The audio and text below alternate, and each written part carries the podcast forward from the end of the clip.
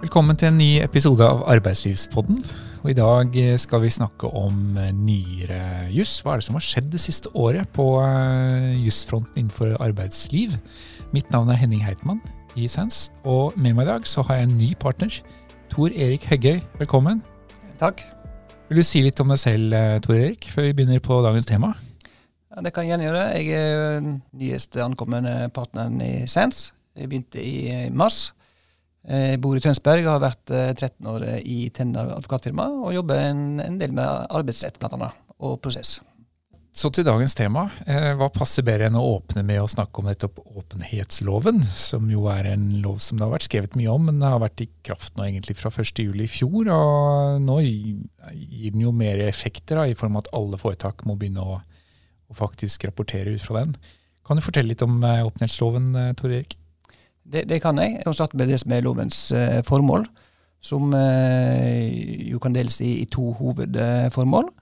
For det første så skal loven fremme virksomhetens respekt for grunnleggende menneskerettigheter eh, og anstendige arbeidsforhold i forbindelse med produksjon og vare og levering av tjenester i, i, i egen regi, men også i hele leverandørkjeden som virksomheten da benytter seg av for å produsere det som en sjøl leverer. Mm. Det er det ene hovedformålet. Og det andre formålet er at en skal sikre at allmennheten da har tilgang til informasjon om hvordan virksomheten håndterer negative konsekvenser som egen drift måtte ha da, for grunnleggende menneskerettigheter og, og anstendige arbeidsforhold. Ja, og Det betyr at man har krav på å få vite mer om selskapets eh, leverandører enn man fikk før? Ja, Det er jo det som er et av hoved Eh, hovedintensjonen bak denne loven er jo at eh, det skal være mulig å få innsyn i hva som egentlig skjer i en virksomhet, og hvordan det påvirker menneskerettighetene og arbeidsforholdene som, eh, som sådan. Og Så kan vi si litt om lovens virkeområde. For hvem ja. gjelder den loven egentlig for? Ja. Og den Loven den gjelder for, for, større virksomheter som er hjemmeværende i, i Norge, og som tilbyr varer og tjenester i Norge. Ja. Eller utenfor Norge. Men ikke små virksomheter, altså. Bare større. Ja. Hva, hva, betyr større virksomheter, da? Større virksomheter det er jo typisk allmennaksjeselskap.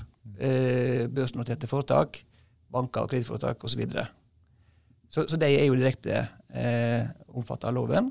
Og så er det også et tillegg der at eh, virksomheter som eh, oppfyller minst to av tre kriterier, eh, som er følgende at en har salgsinntekt på 70 millioner, balansesum på 35, eller at en har 50 årsverk ansatt i snitt gjennom regnskapsåret. Mm. Hvis to av de tre kriteriene er oppfylt, så er det også omfatta av, av lova. Akkurat. Da blir det stor virksomhet og omfattes. De som ikke er store virksomheter, kan de ta det helt med ro?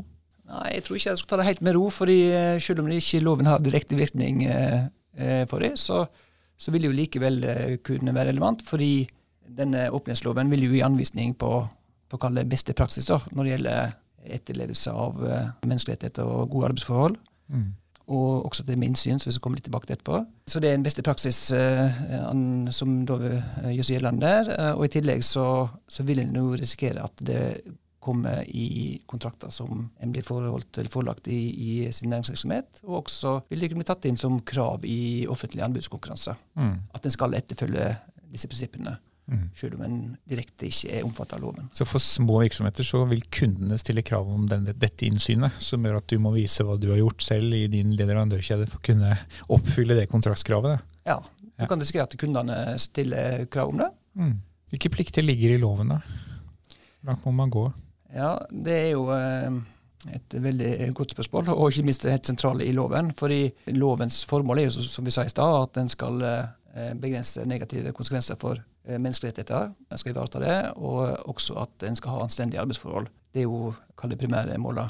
Og, og eh, verktøy som, eh, som virksomheten skal bruke for å ivareta det, det er den såkalte aktsomhetsvurderingen. Loven krever at du skal gjøre en, en fortløpende eh, aktsomhetsvurdering av din egen, egen virksomhet. Og Den, den eh, er delt opp i, i, fem hovedpunkter, som jeg tenkte jeg kan gå veldig kjapt gjennom nå. Mm. For det første så skal, så skal jeg nå forankre et sånn ansvarlighetsprinsipp i eh, dine egne retningslinjer, altså hvordan du, virksomheten skal operere.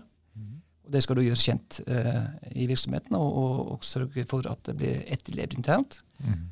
Og så skal en kartlegge og vurdere faktiske og potensielle negative konsekvenser som eh, virksomheten måtte ha for menneskerettigheter og arbeidsforhold knytta til, til, både seg sjøl, altså egen virksomhet, men også leverandørene som en da bruker. Og Hvis en da skulle eh, oppdage at det er forhold som en må ta tak i, så, så oppstiller loven en, en plikt til å stanse, forebygge eller begrense disse negative konsekvensene som, som en da har oppdaga. Mm. Akkurat. Hva risikerer virksomheter som ikke etterlever åpenhetsloven? Er det noen sanksjoner her? Ja, Det er jo sånn at uh, det er ikke noen straffebestemmelse her. Etter, så det er ikke noen straffesanksjoner. Men uh, Forbrukertilsynet er jo tillagt uh, tilsynsmyndighet her. Mm. og i den grad en ikke etterlever disse reglene i opprettsloven, så, så, vil du risikere å bli ilagt påbud om retting, og i ytterste konsekvens også Eh, overtredelsesgebyr eh, og tvangsmulkt fra eh, tilsynet. Og i, i, hvis en kommer dit at det er snakk om gebyr, så, så kan det dreie seg om, om veldig store beløp. Mm. Snakk om inntil 4 av omsetninga di, faktisk. Og ved da oppholdsbegrensning til 25 millioner. Mm. Så, så, det er ganske store ytterste konsekvenser, ganske store økonomiske eh, verdier i spill her. Mm. Eh, og, og, god grunn til å, å, å være i det, i samsvar med regelverket. Mm. Så kom det også en endring i fjor på søksmålsrett for fagforeninger i innleiesaker. Det, det, er jo en lovbestemmelse som har vært her før, ble opphevet av Solberg-regjeringen, og så ble den innført igjen ganske fort med den nye regjeringen som kom eh, etter Solberg. Så den er jo gjeninnført, den søksmålsretten for fagforeninger. Det er jo en eh, lovendring som ja, vi, vi, får se hvor stor praktisk betydning den får. Den hadde, har ikke hatt så stor praktisk betydning tidligere, men kan hende at den vil bety mer i tiden som kommer. Ja, Henning, det har jo også skjedd en del eh, knytta til uh, forholdet mellom heltid og, og, deltid, og denne mm. heltidsnormen som vi, vi, kaller det. Kan du si noe mer om det? Ja, det er også en reform som uh, er innført ganske raskt etter at den nye regjeringen kom. og det går jo på å redusere uønsket deltid. da. I uh, mange bransjer så er det en utfordring at det er veldig mye deltidsjobber, men uh, arbeidstakere ønsker å ha mer arbeid, ha fulltidsstillinger. Så um, da er det innført et, et nytt avsnitt, en ny, paragraf 14.1b i arbeidsmiljøloven, som stiller krav om at arbeidsgivere må dokumentere behovet for deltidsansettelse før de kan lyse ut en deltidsstilling og ansette en deltidsstilling. Og eh, Den dokumentasjonsplikten det er jo ikke noe som de må vise frem, med mindre noen ber om det. Men det er tillitsvalgte har da krav på å få den eh, dokumentasjonen, kunne se den. Og eh, hvis man skal ansette det på deltid, så skal man også drøfte dette med tillitsvalgte før man setter i gang med en sånn ansettelse. Så det strammer jo opp litt. Men tanken er nok at de tillitsvalgte i virksomheten har, vil støtte opp om heltidslinjen. Da, og, og, og, være en, en, medspiller i å sikre gjennomføring av dette lovformålet. Mm. Er det noen offentlige myndigheter som har noe særskilt ansvaret for å kontrollere at dette regelverket etterfølges? Henning? Arbeidstilsynet har jo eh, tilsynshjemmel på, på, dette området. og Det betyr jo at de kan sjekke om man har gjort den dokumenteringen. Men de vil ikke gå inn og overprøve om det er grunnlag for en heltidsansettelse. Eller en deltidsansettelse, unnskyld. Det, det vil nok ikke gjøre. Så det, det er nok at man drøfter. Og Det er nok at man har dokumentasjon liggende i selskapet tilgjengelig for tillitsvalgte. Det er kravet. Og det er ikke sånn at man da har gitt de ansattes representanter en forhandlingsrett om dette. Dette er fortsatt underlagt arbeidsgivers styringsrett å beslutte om det er tilstrekkelig begrunnet. Så, så uh, gjennomslagskraften på disse lovbestemmelsene blir jo spennende å se i praksis hvordan det vil fungere.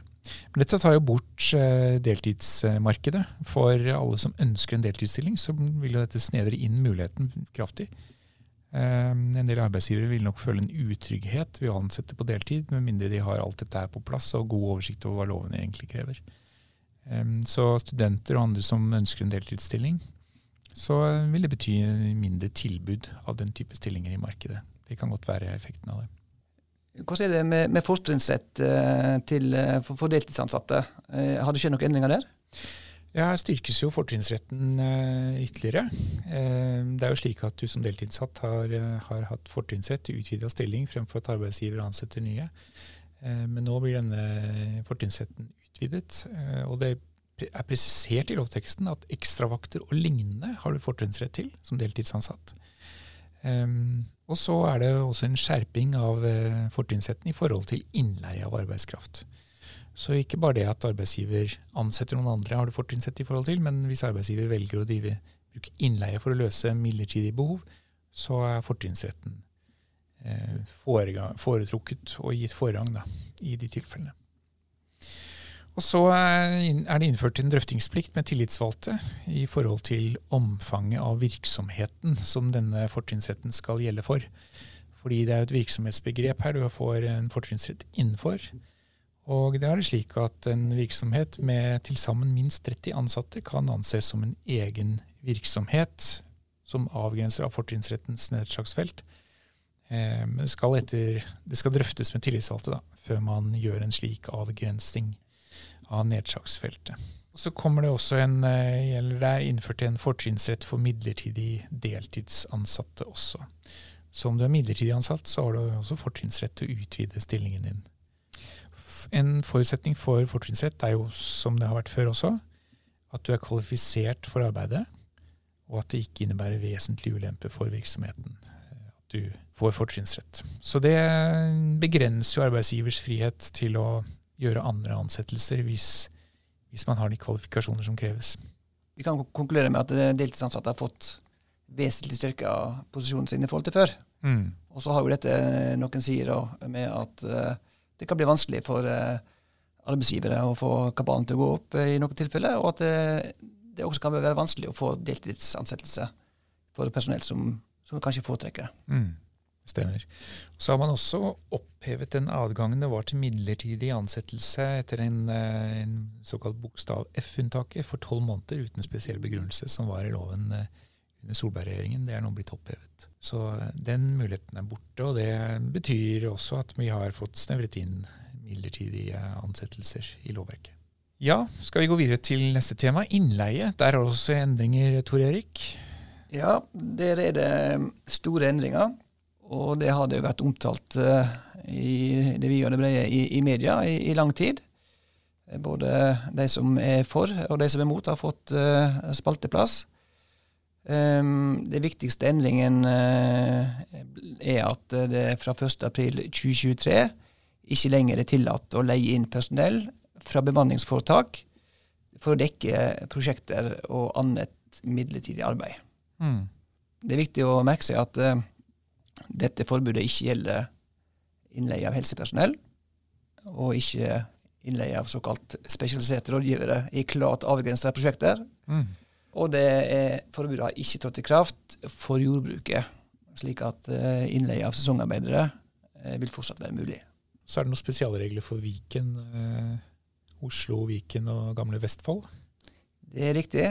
Um, byggebransjen har jo vært ansett som en som en vesting eh, i, i lang tid, knytta til dette med, med innleie. Og, og derfor også det vi snakka om i stad, om åpningsloven og anstendige arbeidsforhold og slikt. Så, så jeg har jo byggebransjen vært gjenstand for kritikk knytta til dårlige, dårlige lønnsforhold, sosial dumping osv. Og, så og det har vært tema i mange år. og det har leda opp til at det nå er totalforbud faktisk i Oslo, Viken og Vestfold mot innleie fra bemanningsforetak eh, på, på, byggeplasser. Mm. Hvis du leier fra en produksjonsbedrift, så er det annerledes? Det er det. Hvis en leier inn fra en produksjonsbedrift, altså bedrifter som eh, eh, ikke har som formål å drive med utleie av personell, mm. eh, så eh, er det ingen endringer. Så det er fremdeles i orden. Så det er utleie fra bemanningsforetak som er det som har vært eh, målgruppen for den endringen. Mm. Det er veldig rettet mot én bransje? Det er retta uh, veldig sterkt mot, mot en bransje, eller kall det to. Mm. Det ene er jo bemanningsforetakene, mm. Og det andre er byggebransjen. Dette flytter jo, tenker jeg da, flytter jo på en måte utfordringen med nyttearbeid når et prosjekt avsluttes. Det flyttes jo over da fra egentlig bemanningsforetakene, som har stått for den en kollektiv flytting av arbeidskraft fra prosjekt til prosjekt, og flytter over på den enkelte medarbeider, som selv må finne det nye prosjektet å bli ansatt på. Eh, er det effektivt samfunnsøkonomisk? Tanken er vel at det skal være flere fast ansatte i, i virksomheter, altså entreprenørvirksomheter. At det skal være fast ansatte der, mm. fremfor å, å være leiearbeidere. Eh, enten gjennom, men, gjennom eh, bemanningsforetak, eller at du, du går fra arbeidsgiver til arbeidsgiver. For, for, målet med dette her er jo å sikre en fastere tilknytning til arbeidslivet mm. for de som jobber i, i bl.a. byggebransjen. Mm. Så at du, du, ikke får de som til stadighet uh, går ifra uh, det ene uh, arbeidsforholdet til det andre. Ja, Men hvis prosjektet er slutt, så er det jo ikke noe mer å gjøre i det arbeidsforholdet. Så da vil jo denne arbeidskraften bli ledig, den. Så da må de melde seg hos Nav, og så må de søke på nye prosjekt, prosjektansettelse hos nye selskaper. da. Eller så er det ansatte i en, eh, hos en entreprenør som er underleverandør på tilstrekkelig eh, antall eh, prosjekt, som gjør at de har behov for deg. Ja, det kan være. Og det, det er nok det som er målet? Sant? At en skal sikre Ja, det er klart at det er målet. At folk skal ha mest mulig direkte ansettelse hos selskaper som har jevnt behov for arbeidskraft. Men så er jo prosjektporteføljen opp og ned. Da. Det er jo veldig varierende hvor mange blikkenslagere du trenger eh, løpende hele året hvor mange du trenger av ja, jernbindere, og hvor mange du trenger. Så, så, denne industrien den blir jo veldig endret. Spillereglene i den vil jo bli eh, veldig forandret i, i, forhold til hva slags fleksibilitet du har på flytting av arbeidskraft. Dynamikken endres eh, mm, totalt. Mm, ja. Og så, så, kan en jo stille spørsmål eh, eh, om, om dette er det beste virkemidlet. Det, det kan altså Vi ser jo i andre eh, sammenhenger at eh, dette med sosial dumping og, og dårlige lønnsforhold, det, det, er jo ikke sjelden at det knytter seg til, eh, til offentlige byggeprosjekt. Mm. Så uh, en justering på kall det på innkjøpspraksisen fra, fra offentlige kunder f.eks., vil jo kanskje ha vært et godt virkemiddel for å motvirke behovet for, for innleie og styrke muligheten til å ha fast ansatte i, i virksomheten sin. Mm. Det betyr at det koster mer, og det betyr jo at det ikke nødvendigvis er mulig å være så konkurransedyktig på pris. Da. Så har vi også fått et, uh, en ny definisjon av hva innleie er i forhold til entreprise. Det er riktig, Henning. Det er vedtatt et nytt femteledd i arbeidsmiljøloven paragraf 14-12, eh, som klargjør å skille mellom innleie og entreprise. Mm. Hvordan skal denne grensen trekkes opp? Er det noe nytt i den, eller er den egentlig som før? Den er vel egentlig som før, mm. bare at det nå er den loven. Mm. For dette har jo vært trukket opp uh, gjennom rettspraksis. Så man prøver her å lovfeste noe som er uh, lang rettspraksis på å gå opp grensen for. Så blir det jo spennende å se da, om de treffer med denne definisjonen i loven. Vil du si litt om hva som er egentlig skrevet inn nå? Det som er hovedspørsmålet mm. i den vurderingen, det er jo hvem har eh, ansvaret for eh, resultatet. Mm. Hvem har ansvaret for at, gjort, at jobben blir gjort. Mm. Eh, og hvem har ledelsen for arbeidet. Mm. Hvis det er oppdragsgiver som har ansvaret for det som skal leveres, og også leder arbeidet fram mot levering, mm. så er det et innleieforhold, mm. og ikke et entrepriseforhold. Ja. Og da kan man jo også snu på det og tenke hvis dette ikke blir bra nok, hva er det man da reklamerer på? Reklamerer man på at den arbeidskraften man har fått, ikke dugde, ikke var flink nok? Det tyder på at det er innleie. Eller reklamerer man på at resultatet av det arbeidet som er gjort, ikke er bra? Det kan tyde på at det er et entrepriseforhold. Men da, da, blir det nettopp det avgjørende, som du sier. ikke sant? Hvem har ledet denne arbeidskraften? Hvem har på en måte stått for å kvalitetssikre underveis og skape resultatene ved bruk av arbeidskraften. Så det er der ansvaret skal ligge. Så, um, men det blir spennende å se om det dukker opp noe rettspraksis rundt dette, om den er så klar at alle forstår nå hva dette dreier seg om. Ja, det blir spennende å se. det blir veldig spennende. Så har vi eh, også fått noen nye regler rundt arbeidstakerbegrepet. Dette var en definisjon av forholdet mellom hva som er innleie av arbeidskraft kontra kjøp av en en resultatytelse, altså en entreprise. Det har også kommet inn en definisjon i loven knyttet til hva er en oppdragstaker kontra en arbeidstaker. Eh, vil du si litt om den? Ja, for eh, tidligere, eller fremdeles, for denne endringen har jo ennå ikke trådt i kraft, men eh, nåværende arbeidstakerbegrep eh, sier kort og godt at eh, med arbeidstaker menes i denne lov enhver som utfører arbeid i en annens tjeneste. Eh, og Det reiser jo spørsmålet om eh, eh noen skiller mellom, som nevnt, er du oppdragstaker eller er du innleid, eller hva er du for noe? Mm. Eh, så Derfor så er det kommet en tillegg i denne bestemmelsen, mm. slik at fra ikrafttreden så lyder bestemmelsen Den er blitt veldig mye lenger, for å si det sånn. Ja. Med arbeidstaker menes i denne lov enhver som utfører arbeid for og underordnet en annen. Mm. Det er eh, kall det hovedspørsmålet. Altså jobber du for, og er du underordna noen? Mm. For eh, hvis du er i en annens tjeneste, så er du jo underordna noen. Ja. Eller et foretak. Ja. Eh, så er det noen eh, hjelpevurderinger til, eh, som loven peker på. Eh, hva moment som skal eh, vektlegges. Ved avgjørelsen eh, skal det legges bl.a. vekt på, står det, om vedkommende løpende stiller sin personlige arbeidskraft til disposisjon, om vedkommende er underordna gjennom styring, ledelse og kontroll. Det skal legges til grunn at det foreligger et arbeidstakerforhold, med mindre oppdragsgiver gjør det overveldende sannsynlig at det foreligger et selvstendig oppdragsforhold. Så det, det, er jo en, en presumpsjon for at du er ansatt som arbeidstaker dersom du er undergitt styring og kontroll fra arbeidsgiver. Mm. Det er jo et visst sånn speil her da, i forhold til den forrige definisjonen vi eh, pekte på, ikke sant? hvor innleie av arbeidskraft den speiler jo på en måte definisjonen av hva det er å være arbeidskraft, hva det er å være ansatt, kontra det å være selvstendig oppdragstaker. Fordi resultatansvaret for en ansatt ligger jo hos arbeidsgiver. Arbeidsgiver må lede arbeidet, sørge for at det blir resultater av det, mens en oppdragstaker vil ha selvstendig resultatansvar. Så da kan man gjøre den samme testen. Da kan jeg reklamere på det som er levert. Ja, Hvis du kan det, så er det nok i større grad en oppdragstaker som har et selvstendig resultatansvar på det han leverer. Er det en uh, arbeidstaker, så er det en utenkelig tanke. Da uh, har du ansvaret selv som arbeidsgiver å sette arbeidskraften i, drift og følge den opp og sørge for at her blir det resultater ut av arbeidet. Så um, så det er, viss, eh, det er, en viss, forbindelse mellom at de to definisjonene har kommet inn i loven, egentlig.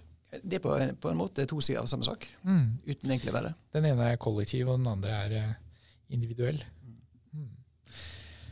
Så har vi fått bestemmelser om eh, konsern og konserner, og dette er jo eh, ganske stort skift. Og um, her er det ganske store endringer som kommer som følge av dette. Arbeidstakere som nå eh, er berørt av nedbemanning, så vil disse konsernreglene bety at arbeidsgiver har en plikt å sjekke ut om det finnes annet eh, passende arbeid andre steder i konsernet før man kan gå til oppsigelse. Du har en, du har en tilbudsplikt som arbeidsgiver på passende arbeid andre steder i konsernet. Og eh, Hvis arbeidsgiver da gir en oppsigelse, og det viser seg etterpå at det fantes eh, mulig arbeid som man var kvalifisert for andre steder i konsernet, så vil den oppsigelsen bli kjent ugyldig. Det er en ganske stor eh, konsekvens for selskaper hvor eh, man kanskje ikke har mulighet som arbeidsgiver til å vite hva som skjer i andre selskaper i konsernstrukturen. Eh, et annet datterselskap har kanskje en ledig stilling et annet sted, og du vet ikke om det, du får ikke vite om det, du har ikke krav på å få, vite det. Og så risikerer du å bli saksøkt og få en ugyldighetsdom på deg som arbeidsgiver fordi, fordi du ikke hadde den oversikten som loven ideelt sett forventer at du skal ha. Da. Så dette blir spennende å se effekten av disse reglene, og i hvilken grad det de vil eh, føre til rettssaker. Det blir spennende å se. Og I forlengelsen av det så er det også kommet inn en fortrinnsrett. Så ikke bare gjelder dette i oppsigelsestidspunktet, men det er jo innført en fortrinnsrett som skal gjelde i tolv måneder etterpå. Etter å utløpe oppsigelsestiden, som også skal omfatte hele konsernet du har vært en del av. Eh, og det betyr at du får fortrinnsrett til jobber i andre selskaper i samme selskapsgruppe. Um, den er jo litt lettere å kontrollere, for det betyr at du har nok med deg et overflødighetsbevis da, eller en oppsigelse hvor det står at du har fortrinnsrett, som du kan ta med deg når du søker jobb andre steder i konsernet. Litt lettere å se den. Eh, og det vil jo være den arbeidsgiveren som eventuelt avslår å gi deg fortrinnsrett til en stilling, som risikerer søksmålet. Eh, et annet selskap i samme konsern. Så den er, den er, litt greiere å forholde seg til, tror jeg, for arbeidsgivere enn nedbemanningseffekten. Men det blir spennende å se effekten av dette, og hvordan det slår ut på rettssaker. Absolutt. Og, og en, en, har jo sett spor etter den tankegangen der i, i faktisk i saker der en har sagt opp ansatte pga. ansattes eget forhold. Mm. Der en, det påberopes i, i, fra ansattesida, arbeidstakersida, mm. Eh, at uh, en skulle ha fått tilbud om stilling andre plasser i systemet, altså i konsernet. Mm. Så det, har vi sett i noen saker nå, at, uh, at det blir påberopt. Mm. Uten at jeg kan se at det har noe rettslig forankring i, i verken lov eller forarbeid, men, men det er iallfall blir påberopt. Mm. Men argumentet det er jo en stor virksomhet med mange ansatte, så her må man klare å finne noe. Det er en sånn type argument som til tider dukker opp i disse rettssakene. Så um, det er tyngre å være stor arbeidsgiver, og nå med denne konserndefinisjonen, hvor du skal få rettigheter i alle selskaper, så um, kan det bli veldig krevende for store selskaper som har mange dat datterselskaper. Det er lov å si at uh, arbeidsmiljøloven går ikke hånd i hånd med aksjeloven her. Ja, det kan du trygt si. Dette tar egentlig hull på ansvarsbegrensningen i aksjeselskapet. Og så er det, utvider man jo også plikten til å drøfte. da. Nå får man en drøftingsplikt i konserner. Og der er det jo også sånn at I dag så er det jo selskapene, det er innenfor den enkelte selskapet at uh, du får en drøftingsplikt hvis du har mer enn 50 ansatte i et selskap. Så har du drøftingsplikt etter kapittel 80 i arbeidsmiljøloven. Denne får nå en ny bestemmelse som utvider drøftingsplikten til å også omfatte uh, konserner. Hvis det er mer enn 50 ansatte i konsernet som helhet, så skal du ha en kollektiv tilnærming til det. Så Det er også en uh, endring som går litt på det samme temaet. Mm. Vi har også fått noen endringer knyttet til verneombud og arbeidsmiljøutvalg. Vil du si noe kort om de, Tor Erik? Det kan jeg, Henning. Eh, veldig kort. Eh, terskelen for eh, å eh, måtte etablere arbeidsmiljøutvalg er i dag 20, eh, hvis det blir krav mm. om det. Mm. Det blir nå senka til, til 10 mm. hvis uh, det kommer krav. Og uh, 30 uh, ansatte er da terskelen for å ha det uansett om noen krever det eller ei. Ja. Og så er det jo fremdeles slik da, at arbeidsgiver kan pålegge ansatte å, å, bli med. Ja, Hvis ingen vil melde seg som deltaker eller stille til valg da, til arbeidsmiljøutvalget, så kan faktisk arbeidsgiver utpeke Eh, personer til det. det. Sånn har regelen vært lenge. da. Så ja. det er ikke en lovendring. Det er ikke en lovendring. Så det er Men vi, vi, vi, senker nå terskelen for hvor mange ansatte du må ha før du får disse pliktene til å etablere arbeidsmiljøutvalg. Så den uh, terskelen for at du uansett må ha det, selv om ingen ønsker å ha det, så må du ha det når det er 30 ansatte. Før var den grensen 50. Så den uh, reduseres også. Og tilsvarende på verneombud. Der senkes grensen fra ti til Fra ti til fem. Til, til fem, nettopp. Og det skal, er jo da inkludert innleie. Innleid personell. Mm. Så det er litt eh, Det er ganske mange flere selskaper som da blir omfattet av disse bestemmelsene. Det er mange små virksomheter i Norge som kommer inn under, under verneombudsreglene. Ja, så har vi eh, Vi skal ikke si noe mer om lovendringer nå. Nå har vi snakket mye om lovendringer. Men eh, rettspraksis, det har skjedd noe der òg. Kanskje vi skal bare gå inn på de alle to viktigste høyesterettssakene fra det siste året? Ja, da kan vi kanskje starte med det vi kaller lærervikardommen i, som kom uh, nylig fra Høyesterett. Ja. Og det gjaldt ei kvinne som ikke hadde formell lærerutdanning, men uh, som hadde jobba uh, som lærervikar i mer enn tre år. Da med hjemmel i opplæringsloven paragraf 10-6. Mm. Kommer vel under denne treårsregelen i arbeidsmiljøloven. da. Ja, Jeg får øvrig en lovendring på det òg, som vi ikke nevnte. Men uh, fireårsregelen som tidligere har vært, den har blitt nå forenklet til en treårsregel for alle tilfeller av midlertidig ansettelse. Ja. Det nevnte vi ikke i sted. Det nevnte vi ikke. Det kan jo nevnes nå. Det kan vi nevne nå, for nå gjelder altså treårsregelen flatt. Mm. Og fire kan vi glemme. Og så er det jo spennende i denne dommen. da, Hva, hva ble utfallet for denne læreren som krevde fast ansettelse etter tre års vikariater? Eller hun har vært vikar enda mer enn det? Kortversjonen av det hele er jo at uh, hun etter arbeidsmiljøloven paragraf 14-9 mm. eh, skulle ha krav på fast eh, ansettelse. Eh, men så er opplæringslovens paragraf 10-6 eh, jo en unntaksbestemmelse der du kan ansette i midlertidig stilling i, i mangel av kvalifisert personell. For det er jo et krav etter opplæringsloven at du har lærerutdanning for å kunne bli fast ansatt. Og Da eh, gikk iallfall hun til søksmål eh, og tapte i tingretten, og tapte i lagmannsretten, eh, og da med dom om at en ikke hadde krav på fast ansettelse. Og slapp eh, inn med saken sin i Høyesterett, som da var enig med tingretten og, de, og lagmannsretten i at hun ikke hadde krav på, på eh, fast ansettelse. Mm. Hovedregelen i norsk rett er at arbeidstaker skal være ansatt fast, um, og det må være en særskilt hjemmel for å kunne ansette folk i midlertidige stillinger. Og, og, det har vi jo i arbeidsmiljøloven, eh, 1412. Mm. Um, og så har vi også en egen hjemmel for det i opplæringsloven. Og det som er det spesielle med opplæringsloven, er at, eh, at um, for å få fast ansettelse som lærer, så må du ha lærerutdanning. Du må ha en relevant utdanning som kvalifiserer. Ja, Det er ikke bare for hvem som helst å bli lærer i skolen. Det er det ikke. Eh, siden denne kvinnen ikke hadde utdanning, Mm. Så var hun da midlertidig ansatt med hjemmel i opplæringslovens paragraf 10-6. Mm. Og den sier at du kan ikke ansettes fast hvis ikke du har lærerutdanning, men du kan ansettes midlertidig inntil man får kvalifiserte søkere. Er det sånn? Det er riktig. Eh, men eh, konklusjonen til Høyesterett er at eh, selv om du da har vært ansatt i tre år eller mer, mm. så gjelder ikke paragraf 14 i, i arbeidsmiljøloven. Nei. For kravet til kvalifikasjoner eh, i opplæringsloven, det slår igjennom. Sånn at selv om du har jobba både tre og fire og kanskje fem år, så vil du ikke ha krav på fast ansettelse eh, eh i, i, skolen etter mm. opplæringslovens paragraf mm. eh, 10 For den har ingen treårsregel i opplæringsloven, og da gjelder ikke arbeidsmiljølovens treårsregel i de tilfellene. Nettopp.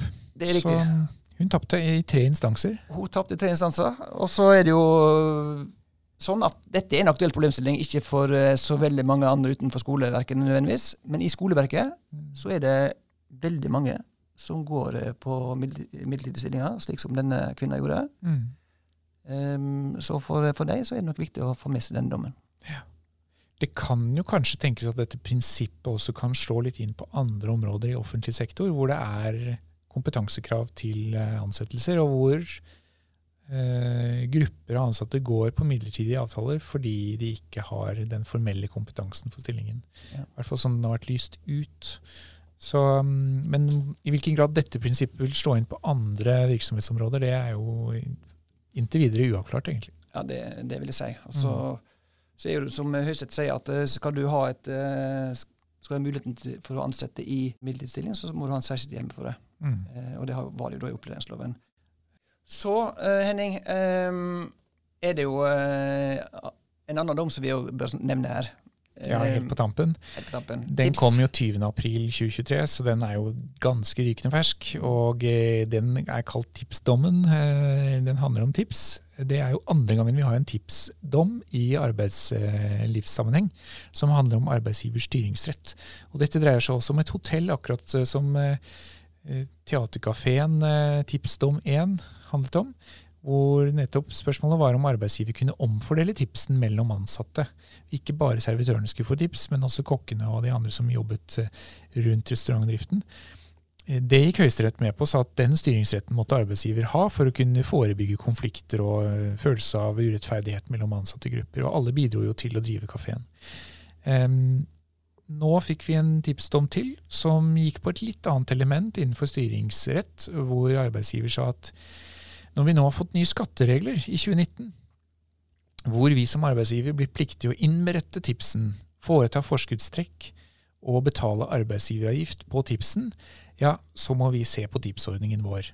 Det var to hoteller i Oslo som eh, gjorde denne endringen, og hvor de ansatte ved hjelp av fagforeningen sin reiste søksmål og mente at den omleggingen av tipsordningen de foretok, var ulovlig. Så her kom saken helt opp til Høyesterett også, hvor prinsippet om arbeidsgivers endringsadgang under styringsretten ble utfordret.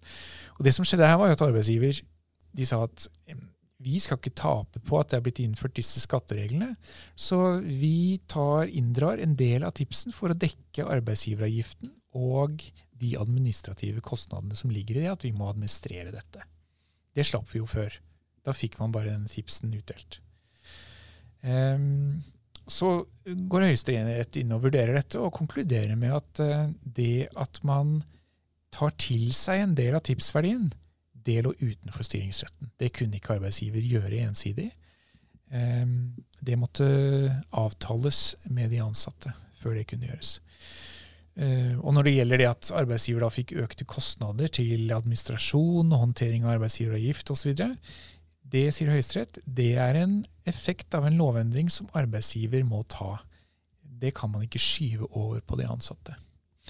Så arbeidsgiver tapte denne tipsdommen. Den forrige vant arbeidsgivers, men da var det altså en omfordeling mellom de ansatte. Her grep arbeidsgiver inn i de ansattes kollektive interesse i tipsordningen og tok en andel av tipsen for å spare sine egne administrasjonskostnader med tipshåndteringen. Og Det var ikke greit. Da var man utenfor styringsretten. Så det blir konklusjonen i denne saken. Så um, kommer det sikkert flere dommer på styringsrettens omfang. og uh, Det blir spennende å se framover hva det neste blir. Men er det et område hvor Høyesterett er særlig aktiv uh, i arbeidsrettslig sammenheng, så er det jo innenfor styringsrett, og hvor uh, stor styringsrett har arbeidsgiver, og hvor mye kan arbeidsgiver bestemme ensidig før man går utenfor styringsretten. Hva kunne arbeidsgiver gjort for å komme i en annen posisjon og, og hatt muligheten til å, å styre? Da tror jeg nok de måtte satt seg ned med de ansattes representanter og blitt enige med de om en slags eh, lokal tariffavtaleløsning, da, hvor man eh, definerer hvordan man skal håndtere disse ekstra kostnadene som har kommet. Kanskje de, Hvis de hadde hatt en god dialog, kanskje de hadde klart å etablere en god avtale rundt og fått den forståelsen. Vet ikke. Kanskje de har prøvd det. Jeg vet ikke. Det, det er som eh, noen skal åpne en eh, restaurant til sommeren, f.eks. Mm. Um, hva kan de gjøre? Når du starter en ny virksomhet, så har du jo blanke ark. Så da har du ikke en tradisjon og forventning du drar med deg. Og det var litt av utfordringen her. Dette var Bristol og Oslo Plaza. ikke sant? Det er jo godt etablerte hoteller som har hatt sin ordning i mange mange år. Særlig Bristol. Det er klart at Når du rører ved etablerte ordninger der, så rører du fort ved rettigheter til ansatte. Starter du et nytt sted, så står du helt fritt. og Da kan arbeidsgiver definere det veldig tydelig. Man kan også bestemme eh, under styringsretten at eh, vi, vi, tar ikke imot tips fra gjester. Ingen skal ha tips. Det er for så vidt helt grei beslutning. Så man er ikke pliktig å ha dette hvis man ikke vil. Nei. Mm. Det har vært forbudt før å ta imot tips. Ja, det har jo vært mye utfordringer rundt skattemessig håndtering av tips. For det er jo ikke noen tvil om at det er fordeler de ansatte får knyttet til arbeidet deres. Så det har jo alltid egentlig vært en skatteplikt rundt tipsen. Eh, hvor flink man har vært til å faktisk gjøre jobben med å innberette og skattlegge det slik det skal, det tror jeg har vært veldig varierende rundt omkring i bransjen.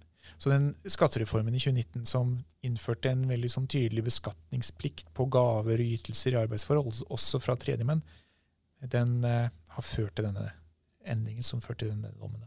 Så det er på en måte effekter av en skatterettslig endring tilbake i tid. Interessant. Veldig interessant.